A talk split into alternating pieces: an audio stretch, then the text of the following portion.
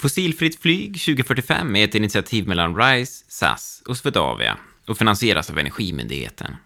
RISE är ett oberoende statligt forskningsinstitut, så det ska nämnas att yttrandena från våra deltagare inte nödvändigtvis representerar RISE åsikter. Fossilfritt flygpodden undersöker helt enkelt vilka frågor, svar, perspektiv och möjligheter som finns. Det roliga när vi spelade in det här avsnittet, då träffade vi ju fantastiska gäster. Vi hade Paul Börjesson från LTU, vi hade Gunnar Olofsson, eh, styrelseordförande på Sekab, vi hade Gustav Melin på Svebio och Alina Hagelqvist på Afry. Och alla de här eh, pratade ju då om att man vill att det ska införas en reduktionsplikt. Eh, och eh, ja, bara någon dag efter det så infördes det. Då klubbade man det, att man ska införa en reduktionsplikt 2021. Och då eh, ringde ju vi upp Maria Wetterstrand som ha, gjorde den utredningen och som tog fram det här förslaget. Så ja, riktigt spännande.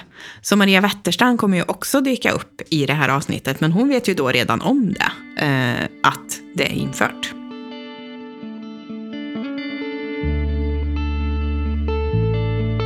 God morgon. God morgon Melinda. Hur är läget? Det är bra med mig. Hur är det själv? Jo, men det är bra. Det är fredag när vi sitter här och spelar in idag. Och eh, ja, solen skiner som den alltid gör i Karlstad. Det vet vi. Så är det. Jättehärligt med höstvädret nu. Mm. Men du, idag så ska vi ju gräva oss eh, djupare in i eh, fenomenet bioflygbränsle. Ja, det stämmer. Mm. Och eh, det är ju så att om vi ska få ett fossilfritt flyg så är ju bioflygbränslet en väldigt viktig parameter. Man kan ju säga att bioflygbränsle är det som ligger närmast det finns certifierat och klart och man kan blanda in det i befintlig tank och så vidare. Så vad är det då som gör att vi inte har det idag liksom? Det är ju en ganska relevant fråga. Ja, verkligen. Mm. Melinda, jag vet att vi ska prata om flera olika tekniker för ett fossilfritt flyg under hösten. Vad är fördelen med bioflygbränslet?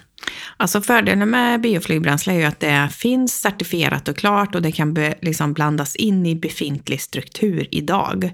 Så det är väldigt lätt att införa och det, det ska man ju ha med sig att bioflygbränsle det ska certifieras och det är en ganska lång gedigen process som man gör via ASTM och det finns det faktiskt ett webbinarie på vår hemsida eh, som vi har spelat in tidigare Eh, så man kan eh, fördjupa sig i hur den processen går till om man liksom verkligen vill djupdyka i det här. Vi länkar till det här i avsnittet så att ni har det. Så, så det är fördelen med bioflygbränsle och det finns ju redan på marknaden idag. Du kan köpa en flygbiljett med bioflygbränsle om du vill. Men på tal om det Melinda, eh, finns det, har du några exempel på hur jag som privatperson kan bidra till att vi flyger mer på bioflygbränsle? Du kan eh, betala extra för din flygbiljett på SAS hemsida eller på BRAs hemsida. Då betalar man en summa ungefär 300 kronor för en timmes flygning och då flyger man på bioflygbränsle. Och det som då händer är ju att flygbolaget köper in bioflygbränsle för de pengarna och så kanske det inte är exakt på din flygning men totalt sett så minskar utsläppet på flyget. Ja men vad bra. Jag vet att det finns eh, några med namn Fly Green Fund också. Kan inte du berätta mer om dem? Absolut. Eh, Fly Green Fund är ju en ekonomisk förening där du kan som privatperson också betala extra för bioflygbränslet. Och då köper Fly Green Fund bioflygbränsle och så ställer de ut det, eh, tankar på eh, flygplatserna och blandar in i befintligt. Så det görs ju massa, massa insatser redan idag. Och Ja, det visar sig väl dock att eh, privatpersoners vilja att betala de här extra 300, den borde ju vara högre kan man tycka med tanke på det klimatengagemang som finns. Men eh, om man tänker lite i större skala så har ju faktiskt, det nämnde ju Lena Wennberg i vårt förra avsnitt, kanske du kommer ihåg? Ja att eh, Swedavia upphandlar bioflygbränsle för alla sina flygningar. Alltså det som all personal på Swedavia gör under ett år. Och där bjuder de ju in andra företag att delta i den upphandlingen. Så du kan ju också lägga på din arbetsgivare att ja, några flygningar per år behöver vi göra och då ska vi göra det på bioflygbränsle. Och då kan man delta i den upphandlingen. Men hur kommer det sig att vi inte flyger mer på bioflygbränsle idag då? Ja, det är ju tillgången som är eh, utmaningen och kanske man ska säga tillgången till rätt pris. Jag tror vi kommer att höra mer om det i avsnittet eh, med våra gäster. Men, men det är, eh, flygbolagen vill köpa bioflygbränsle och vi resenärer vill flyga fossilfritt. Men ändå finns inte nog med produktion. Det som eh, man kan köpa idag eh, av, i form av bioflygbränsle, det är ju sånt som görs av eh, till exempel använd frityrolja och så vidare. Så att man på så sätt liksom kan skapa bioflygbränsle.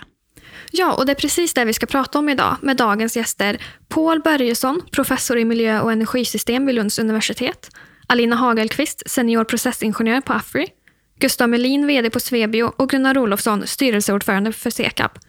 Men innan vi går vidare med dem så har jag faktiskt ställt frågan på stan, Melinda. Vilken fråga då?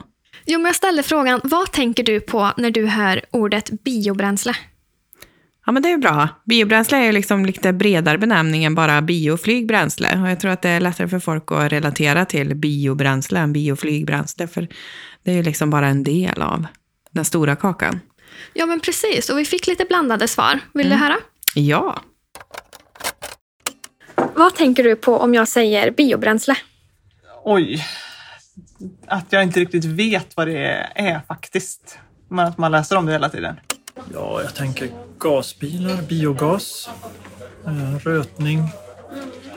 Jag tänker kanske HVO från tallolja. Eh, ja, vegetabiliska oljor. Eh, framtidens sätt att förflytta sig. Eh, jag tänker på grön energi. Förnyelsebar energi. Uh, bio. Um, typ så här, ja, men rapsolja och man gör bränsle av liksom, eh, eh, gröna produkter, kan man säga så? ja, lite så. Men eh, lite så odefinierat eh, eh, just nu. Men eh, intressant ämne för mm. framtiden. better future. mean, bättre framtid, men det för oss som betalar extra avgifter för det. Gud vad intressant. Ja, jag, jag, tror verkligen att det finns en del här som branschen behöver bli bättre på att förmedla vad som faktiskt händer och eh, vad mycket som faktiskt görs. Ja, och det är det som är syftet med den här podden. Dels är den till för att branschen ska få höra mer om vad som är aktuellt och vad som är på agendan just nu. Men den är också till för privatpersoner som är nyfikna på det här området och vill lära sig mer. Ja, och då ska vi eh, gå rakt in i eh, våra gäster här. Nu har ju du och jag suttit här och snackat lite, men nu ska vi snacka med några andra och först ut är Paul Börjesson. Professor i miljö och energisystem vid Lunds universitet. Och Paul, han kommer berätta för oss vad är bioflygbränsle. Han kommer också berätta vilka olika tekniker som finns och om det finns någon konkurrens emellan de olika teknikerna. Vi ringer Paul. Jag heter Paul Börjesson och är professor vid Lunds universitet eh, på avdelningen för miljö och energisystemanalys. Exakt, och vad är ditt eh, specialområde? Det är systemstudier eh, av biobränslen och flygbränslen, biodrivmedel. Och då hoppar vi ju rakt in på första frågan. Vad är bioflygbränsle egentligen? Ja, alltså då har man ett vegetabiliskt ursprung så att säga. Det kommer från jord och skogsbruk och det ursprunget är oftast växtrester som man får. Eh, och det kan också vara biprodukter som man får i livsmedelsindustri eller i skogsindustri. Och eh, biobränslen produceras av solen genom fotosyntes eh, så det är solen som eh, tillverkar biobränslen och så använder Eh, man kolet, biobränslen utnyttjar kolet som finns i atmosfären eh, och som sen släpps ut när man använder bränslena, förbränner dem. Så att då är det ett eh, kretslopp när det gäller kol och så bidrar de inte till någon växthuseffekt då när man eh, förbränner de här biobränslena. Okej, okay. och eh, det pågår ju en del eh, debatt de senaste mm, månaderna där man liksom lyfter upp det här. Hur hållbara är bioflygbränslen egentligen? Vad tänker du kring det? Eh, då tänker jag att det finns både och.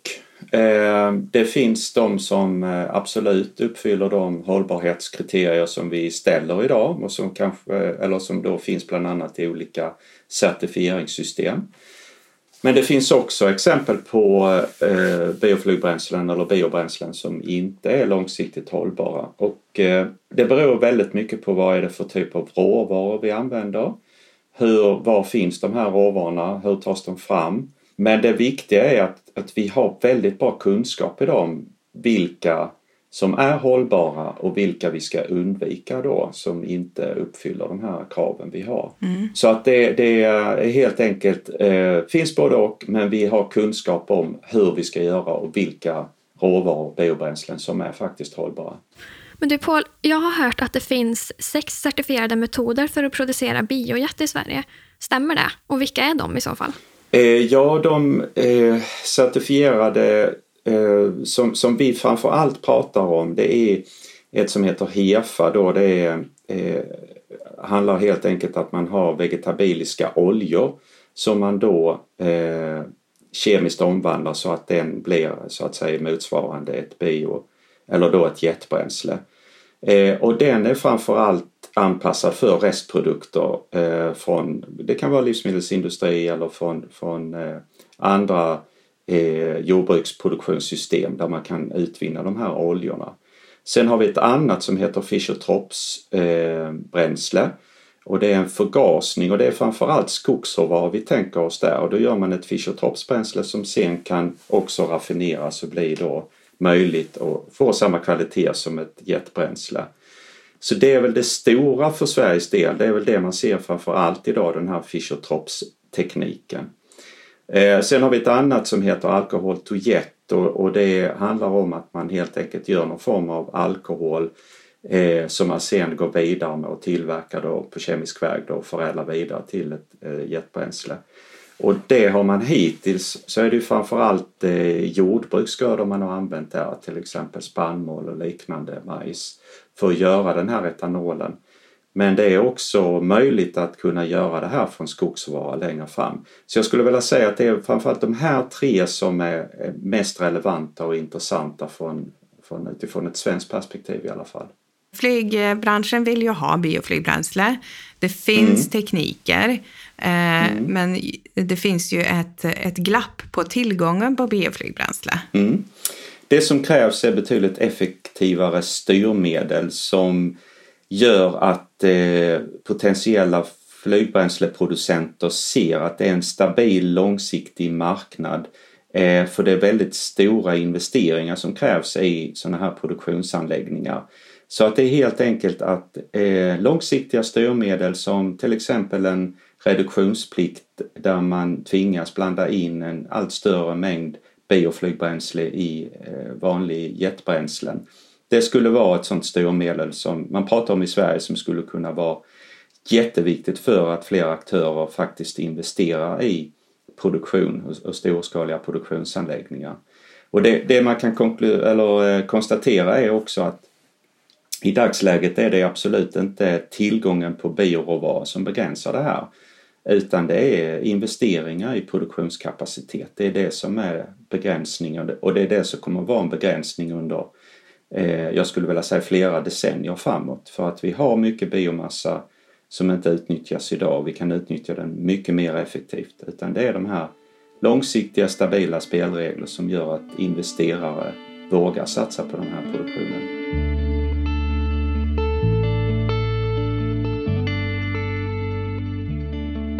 Ja, vi tackar Paul för det. Melinda, visste du att Sverige är världens största importör av bioflygbränsle? Ja, det visste jag faktiskt. Det är ganska intressant att det är så. Ja, och då kan man ju fråga sig varför vi i Sverige inte har en bioflygbränsleproduktion på plats och hur länge det är kvar tills vi har det. Och det ska vi prata mer om med Gustav Melin från Svebio. Ska vi ringa honom? Yes. Ja, jag är Gustav Melin och jag är VD på Svenska Bioenergiföreningen, eller Svebio som vi brukar säga i dagligt tal. Välkommen hit! Tack så mycket. Vi har ju tidigare pratat här med Paul Börjesson och vi har diskuterat tillgång på, på bioråvara och han hävdar ju att det finns nog med skog och vi, och vi har liksom eh, tillgång till det som krävs för att få till en bioflygbränsleproduktion. Vad anser du var anledningen till att vi inte har en bioflygbränsleproduktion idag? Ja, det, det, är inte så underligt att vi inte har det för att det beror ju då på att eh, flygbolagen vill inte gärna betala det högre pris som det blir på att köpa ett biodrivmedel eftersom det inte idag finns någon produktionskapacitet så måste man bygga ny produktionskapacitet och för att bygga ny kapacitet så blir det lite dyrare. Det är en prisfråga anser du? Ja, det är både en prisfråga och en, eller i första hand är det en politisk fråga eftersom mm. man behöver styra så att flygbolagen köper en ganska stor volym bränsle och om de gör det så får man ner priset. Men man får inte ner priset till den nivån som eh, fossilt flygbränsle produceras idag. Man skulle kunna få ner priset till eh, ungefär samma nivå som fossilt flygbränsle produceras om det kostar 80-90 US dollar per fat. Men eh, det går ju inte att garantera att eh, fossilt bränsle kostar 80-90 US dollar per fat, även om det ibland har gjort det. Hur långt bort är det att vi får... När kan vi se en bioflygbränsleproduktion i Sverige? Ja, SD1 har sagt att deras anläggning i Göteborg ska vara klar 2022. Eh, jag vet inte om de har någon försening eller så, men jag skulle tro att de kan producera flygbränsle 2022. Och då kommer ju det inte vara från svensk skogsråvara utan det blir nog i huvudsak från eh, avfallsoljor och andra vegetabiliska oljor som de eh, ja, dels kanske kan köpa i Sverige men jag tror att huvuddelen kommer att vara import. Och eh, den kommer säkert inte att kosta kanske mer än 7-8 kronor per liter eh, och tillverka den volymen skulle jag gissa medans eh, priset kommer ju att vara väsentligt högre om om de får något avtal på det. Men det är ju inte säkert att man hittar någon köpare på det. Och om de inte får det så kommer de ju att sälja det på biodrivmedelsmarknaden för vanliga fordon. Och det är klart att här måste ju flyget också konkurrera och betala lika bra som eh, biobränsle för vanliga fordon. Då. Så att eh, här väljer ju bolaget att sälja där de får bäst betalt. Det finns ju alltid den konkurrensen också. Och och vi har ju ändå en ambition om att öka produktionen med flygbränsle från svensk skog. Och eh, då har vi ju två konkurrenser. Vi har dels den här konkurrensen eh, mot det fossila men vi har också konkurrensen mot eh, biodrivmedlen. För de internationella biodrivmedlen är och kommer under lång tid att vara billigare än eh, flygbränsle från skog. Och det skiljer ett par, tre kronor kanske i produktionskostnad. Och eh, här finns det ju ändå en potential om vi får upp volymerna att sänka kostnaderna och på sikt då eh, kunna konkurrera med de internationella eh, billigare avfallsbiodrivmedlen. Men här får man nog också se eh, den här marknaden lite som eh, den vanliga oljemarknaden. För att om efterfrågan blir stor då kommer ju den svenska skogens bioflygproduktion kanske kunna betraktas som den norska oljan. Eh, om man jämför norsk offshore-olja med saudisk olja så är ju den kanske 4, 5, 6 gånger dyrare att producera, så de har en högre kostnad. Men det finns ändå en bra marknad för den norska oljan eftersom efterfrågan är så stor. Och eh, så kan man nog se den svenska eh, skogs biodrivmedelspotentialen också. Efterfrågan kan bli så stor så att det finns eh, god affär i att producera biodrivmedel från den svenska skogen. Men skulle vi kunna försörja alla flyg från Sverige 2045 med bioflygbränsle?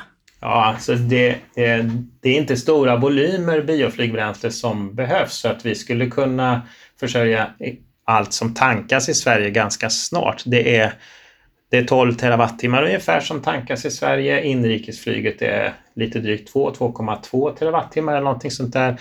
Och den nuvarande svenska biodrivmedelsanvändningen var ju då 2018, 17, 19 terawattimmar. Så att vi använder redan väsentligt mer biodrivmedel än vad flyget behöver. Så att det, det är inte alls en fråga om eh, volymer biodrivmedel egentligen, ut, eller bioflygbränsle, utan det handlar om politiken för att skapa den efterfrågan. Och vilken politik är det vi saknar då? Ja, den enkla vägen framåt är väl ungefär som Maria Wetterstrand har föreslagit med att man gör en kvot.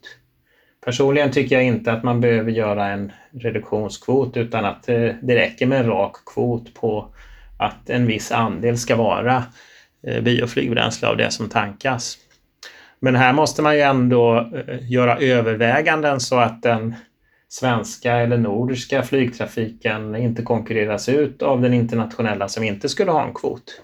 Så att då får man väl ändå hitta på ett system där alla måste ha kvot om man tankar i Sverige. Och samtidigt får man ju försöka se till att inte all tankning flyttas in, ut internationellt då.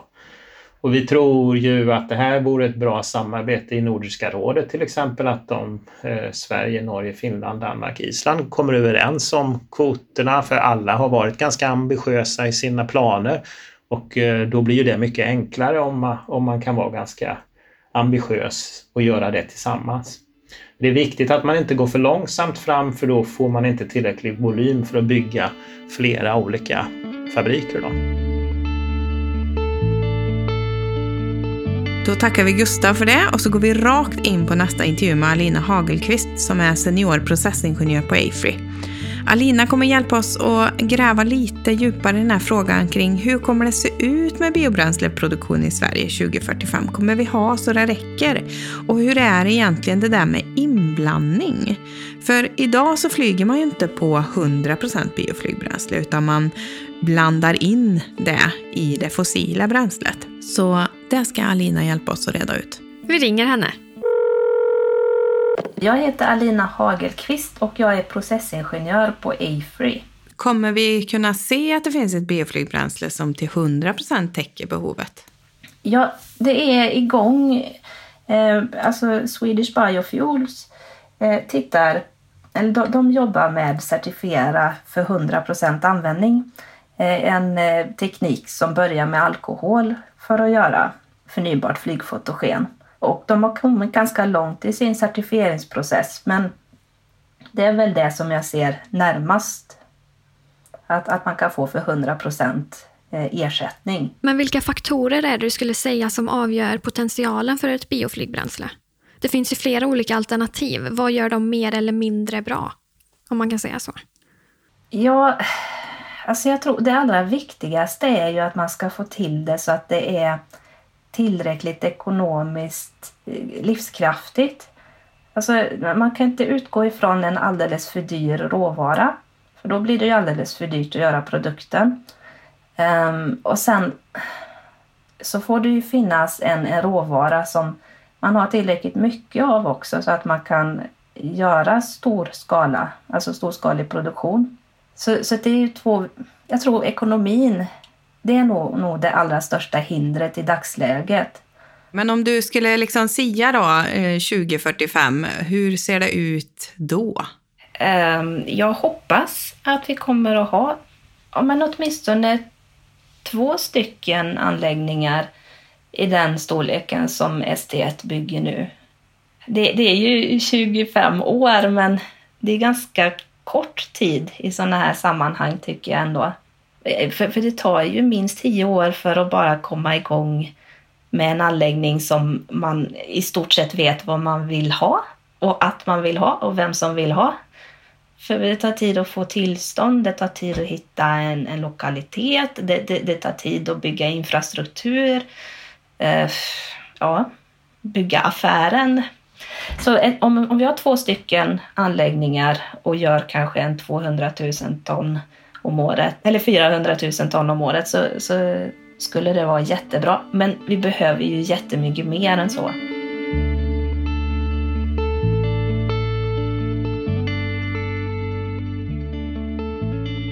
Ja, då tackar vi Alina Hagelqvist från Afry så himla mycket för de insikter hon gav oss. Och så går vi vidare till Gunnar Olofsson.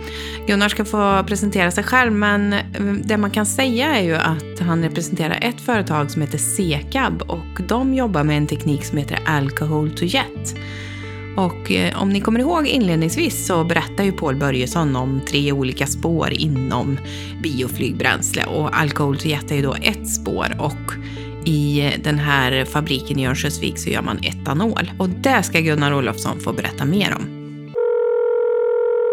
Hej, jag heter Gunnar Olofsson och är eh, styrelseordförande för Sekab, Svensk Etanol och Kemi AB i Örnsköldsvik. Eh, och dessutom så är jag involverad i norsk skogsbruk och jag har en lång erfarenhet av svenskt, nordiskt och europeiskt skogsbruk och skogsindustri. Men du Gunnar, ni på Sekap arbetar ju med framställning av etanol. Hur billigt kan man göra etanol egentligen? Eller hur dyrt kan det bli? Ja, men det är en bra fråga. Eh, man kan säga så här att eh, vi är helt övertygade om att vi skulle kunna göra etanol från skog till 8 till 10 kronor per liter. Eh, men det bygger på att vi i så fall får igång en produktion och att vi har en säkrad avsättning. Mm. Och att göra då eh, flygbränsle så att säga, det är ju liksom en del av det hela. Va? Vi börjar med att vi gör etanol för fordonsindustri mm. eh, eller att vi gör marindiesel kan vi också göra ur ligninet. Mm. Eh, och sen kan vi haka på ett spår att eh, göra då, eh, flygbränsle. Mm. Eh, men allt det här hänger ihop och eh, jag som kommer från industrin vet ju att det är volym, volume talk så att säga, det är det det handlar om. Och då måste vi ha vissa förutsättningar. Vilka förutsättningar är det då? Nej, men det är ju att vi, vi har en avsättning helt enkelt. Va? Mm. Eh, vi har kommit så långt med vår cello-up-teknik. Det finns även andra tekniker ska jag också säga. Det finns kanske fem olika tekniker i landet eh, som, där vi kan alltså göra flygbränsle utifrån då olika metoder men göra det av svensk cellulosa eller svensk skog. Då.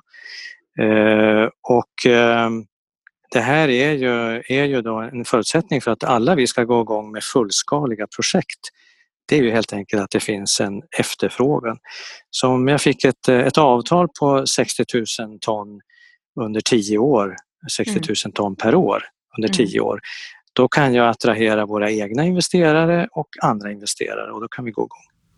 Spännande. Så det är bara för något eh, flygbolag att nappa här då? ja, vi har, ju, vi har ju diskuterat det här länge. Vi har haft många, eh, både svenska och utländska flygbolag givetvis. Mm. Och eh, skillnaden mot dagens då biojet A1 Fuel är ju det att det här är ju inte då frityrolja eller vegetabiliska oljor om jag säger så utan det här är ju, är ju då från eh, cellulosa helt enkelt och lignin. Det ju, vi är framme där nu va? och vi, nu börjar det bli tillräckligt många olika initiativ att eh, nu borde vi liksom komma igång. Va? Sen är det ju så att vi ska ju även i så fall göra även då vanlig etanol, E85 eller biodiesel ED95 som vi redan gör idag. Vi gör ED95 idag. Mm. Men då måste vi även ha eh, regulatoriska incitament, det vill säga att eh, kvot exempelvis om, om regeringarna bestämde sig, länderna bestämde sig för kvot. Hur trygga är ni med att den här tekniken fungerar? Ja, men vi är trygga. Eh, nu ska jag inte prata bara för vår teknik då, men vi har ju testat den här, det kommit fram under 14 år i den eh, demoplant som finns i Örnsköldsvik. Mm. Men jag har ju varit även inblandad i andra projekt eh, som ju pågår runt om i, uppe i Piteå, Luleå och andra ställen med lite andra tekniker. Jag var ju med och byggde Sunpine då vi tog talldiesel för att göra då råtalldiesel uppe i Piteå och sen så raffas den då eh, på ett annat ställe i Sverige och eh, ni kan tanka den i era dieselbilar idag och där kan man också sätta på ett steg. Så Mm. Skogsindustrin är ju en sourcing, så att säga, en källa med sina biprodukter. Men det vi har det är att vi går inte via skogsindustrin utan vi går direkt. Vi tar in sågspån och så processar vi den genom jäsning, fermentering som det heter och enzymer och så får vi fram etanol och de andra produkterna, då lignin, biogas och CO2. Mm. Ja, vi, är, vi, vi, vi är ganska trygga. Säg så här, man kan säga, mm. vi, vi, är trygga på tekniken nu. Det är det mm. faktiskt. Det är bara investering och eh, att någon ska säga det här vill jag köpa? Ja, framförallt alltså, det är eh, tillgång och efterfrågan. Ja. Nej, men alltså, vi, vi behöver ha en eh, stabil efterfrågan. Mm. Och eh, så som jag sa inledningsvis, eh, fick jag en order på 60 000 ton på 10 år, då skulle vi kunna eh, dra igång så att säga. Och eh, vi kanske gör det ändå, jag ska inte säga för mycket. Men det tror jag nog att vi gör ändå. Och sen är det så här, bara för att uttrycka så här, var, varför är Norge kanske mera på också? Jo, men Norge klarar sig inte utan flyg, för vi pratar egentligen flygbränsle, det är ju det det handlar om här. Eh, de, de, kommer inte att klara sig, även om vi har nu då elflyg och jag menar vi har ju elflygs eh, försöksområde mellan Karlstad och Östersund bland annat finns det ju ett sådant område som även går in i Norge tillsammans med norrmännen. Eh, nej men Norge klarar sig inte utan flyg och, och det är en del av eh, deras eh, alltså norska infrastrukturen. Va? Och det är också en del av den norska välfärden och, och att eh, varje del av Norge ska ha samma service som eh, man har i, i eh, de två storstäderna då kan man säga Oslo och Trondheim. Hela samhällsfunktionerna måste ju fungera och eh, eh, Norge har ju en strategi att man ska ha hela landet befolkat. Eh, och det är väl där jag vill påstå att eh, politiken i Norge är enig oavsett färg. Eh, och det är starkt. Eh, det är liksom en del av den norska själen att man ska behandla alla lika Sen i tillägg kan man säga då den här, eh, om jag säger så här, sen har vi marindiesel som ju också är en sån här eh, produkt och som man kan göra då i tillägg till flygbränsle och det är klart då är vi också inne på starka krafter att eh, minska eh, våra utsläpp och så vidare. Och eh, flyger vi, har vi biojet A1 Fuel som är gjort av cellulosa så minskar vi ju utsläppen med 80-90 procent.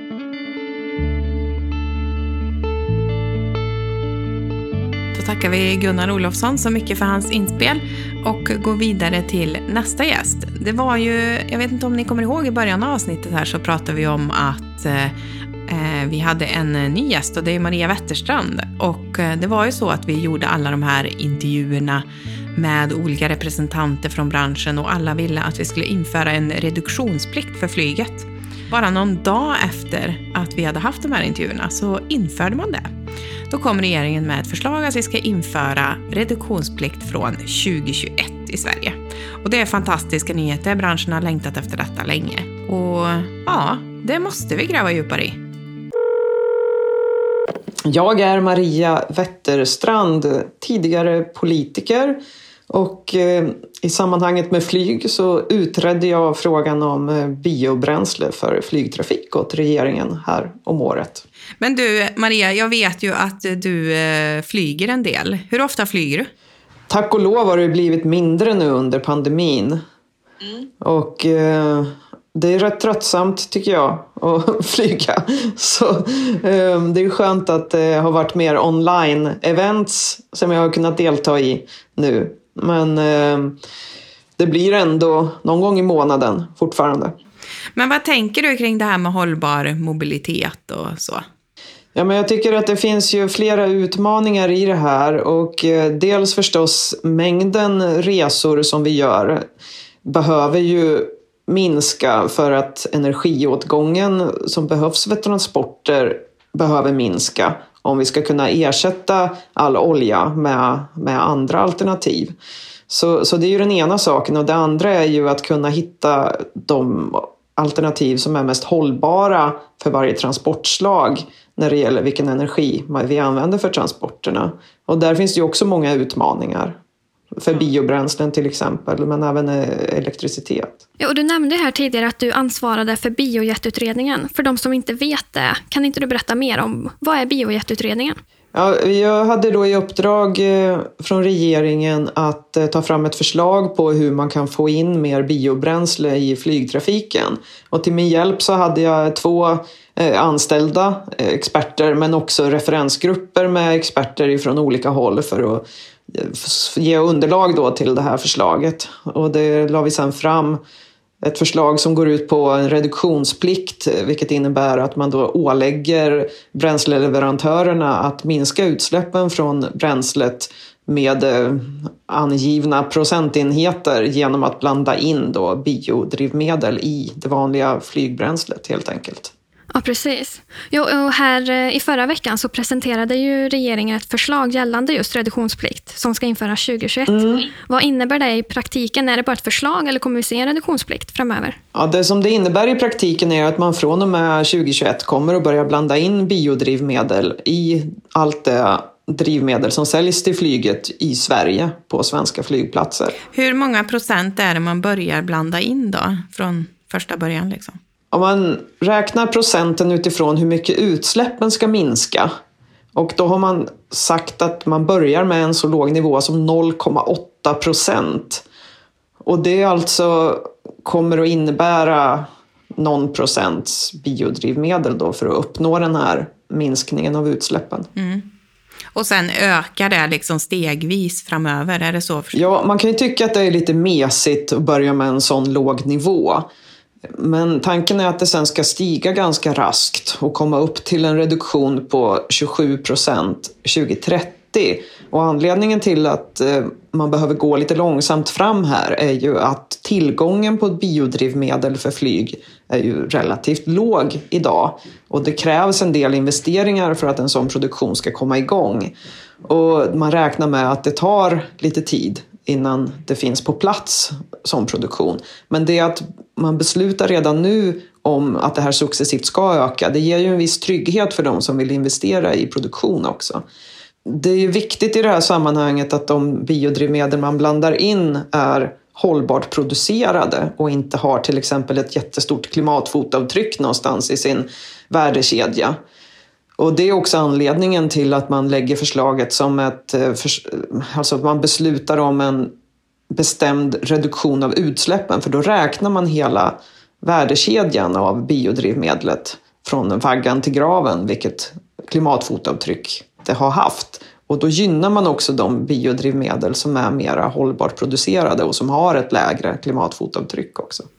Ja, jag förstår. Men vad innebär den här reduktionsplikten för Sverige då? Och får det effekter även i ett internationellt perspektiv? Förhoppningsvis så kan ju den här typen av beslut innebära att andra länder vågar göra samma sak. Och eh, det innebär för svensk del då att det blir lite dyrare antagligen att tanka flygplanen i Sverige än vad det har varit förut.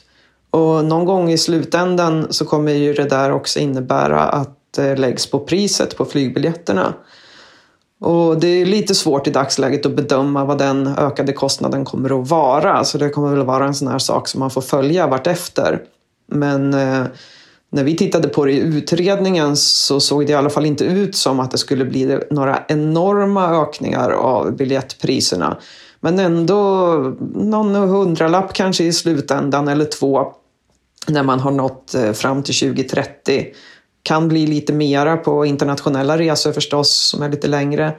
Och eh, det kan ju göra att efterfrågan på flygtrafik påverkas också då. Att man begränsar efterfrågan något jämfört med annars. Väldigt många i branschen som vi har pratat med har ju uttryckt att det här är den viktigaste insatsen för att få till ett fossilfritt flyg och för att snabba på eh, utbyggnaden av bioraff i Sverige. Men nu när det här eh, liksom är beslutat eller kommer att införas, vad är nästa viktiga åtgärd då? Um, det här kommer ju inte att göra flyget hållbart. Så är det ju. Flyg är ju väldigt energikrävande men också ett fantastiskt transportmedel på långa sträckor. Och ska man komma längre då och få ner energiåtgången för flygtrafik så behöver ju dels eh, själva flygplanen effektiviseras och också logistiken kring flyg kan man också göra mycket med. Men faktum är ju att, att eh, jag tror ju också att det skulle kunna tas fram alternativ där man flyger lite långsammare. Därför då går det åt väldigt mycket mindre drivmedel. Jag har tittat särskilt på sträckan Stockholm-Helsingfors där jag har flugit mycket genom åren eftersom jag har bott i Finland och också haft mycket jobb i Sverige. Och där kan man ju konstatera att de här eh, propellerplanen som, som flyger lite långsammare de eh, sänker ju utsläppen med 30-40 procent och tar kanske 20 minuter längre att flyga. Och det är ju inte någon jättetidsförlust men det är väldigt mycket lägre utsläppsfotavtryck från det. Och jag tror att den typen av alternativ måste man också börja testa, särskilt på lite, lite kortare sträckor där en viss ökad tidsåtgång inte har någon stor betydelse. Så det är ju en sak. Men sen eh, kan man ju också naturligtvis bygga ut eh, snabbtåg på vissa sträckor där man kan ersätta flyget och så, särskilt inrikes. Så att eh, det, det finns ju mycket man kan göra utöver att bara blanda in biodrivmedel. Så småningom elektrifiering förstås också. Jag tror att det är väldigt viktigt att, eh, att man tittar också på andra alternativ till flyg där det är lämpligt och, och därmed också kan minska efterfrågan på flygtrafik på, på sträckor där, där det faktiskt finns andra rimliga alternativ.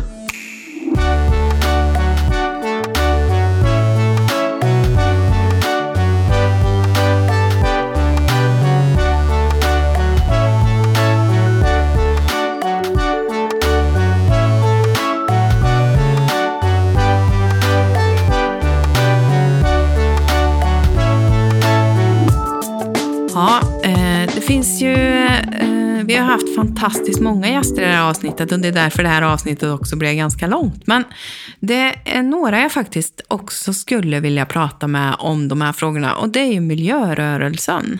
Ja, verkligen. Och om någon av er som lyssnar tillhör just miljörörelsen och skulle vilja berätta mer om era tankar kring det här området så får ni jättegärna höra av er på info at fossilfreeaviation.com. Och då kommer vi fånga upp era röster i ett senare avsnitt. Min första tanke spontant där, Maria, är ju att vi eh, har ju ett avsnitt som kommer handla om när ska vi flyga? För det är ju faktiskt så att vi måste inte alltid flyga, men när vi måste flyga så ska vi göra det fossilfritt. Och hur kan man liksom tänka att hela transportsystemet ska optimeras på bästa sätt? Eh, så det kommer vi prata om i ett senare avsnitt. Men Maria, kan inte du berätta kort om vad händer i nästa avsnitt? I nästa avsnitt då kommer vi att prata mer om elflyg och elektrobränslen. Spännande. Ja, det finns en hel del att gräva vidare i där. Mm, det är två nya tekniker som kommer väldigt, väldigt snabbt. Jag vet att vår klusterledare Maria Fiskerud brukar säga att ja, men för två år sedan var det ingen som trodde på elflyg och nu säger man att det ska komma 2025 redan. Ja, och hon har ju även benämnt elflyg som ett nytt sätt att resa på. Att man ska föreställa sig en buss med vingar. Och det här är jag jättenyfiken på att höra mer om. Ja, så missa inte det. Nästa avsnitt, elflyg och elektrobränslen. Och jo, du som vill träffa Maria Wetterstrand, åtminstone digitalt, kan delta på vårt digitala event den 22 oktober. Där kommer vi att fokusera på näringsliv och politik och detta är del två av tre event i vår eventserie A Gaze at Future Worlds. Mer information hittar du på fossilfreeaviation.com.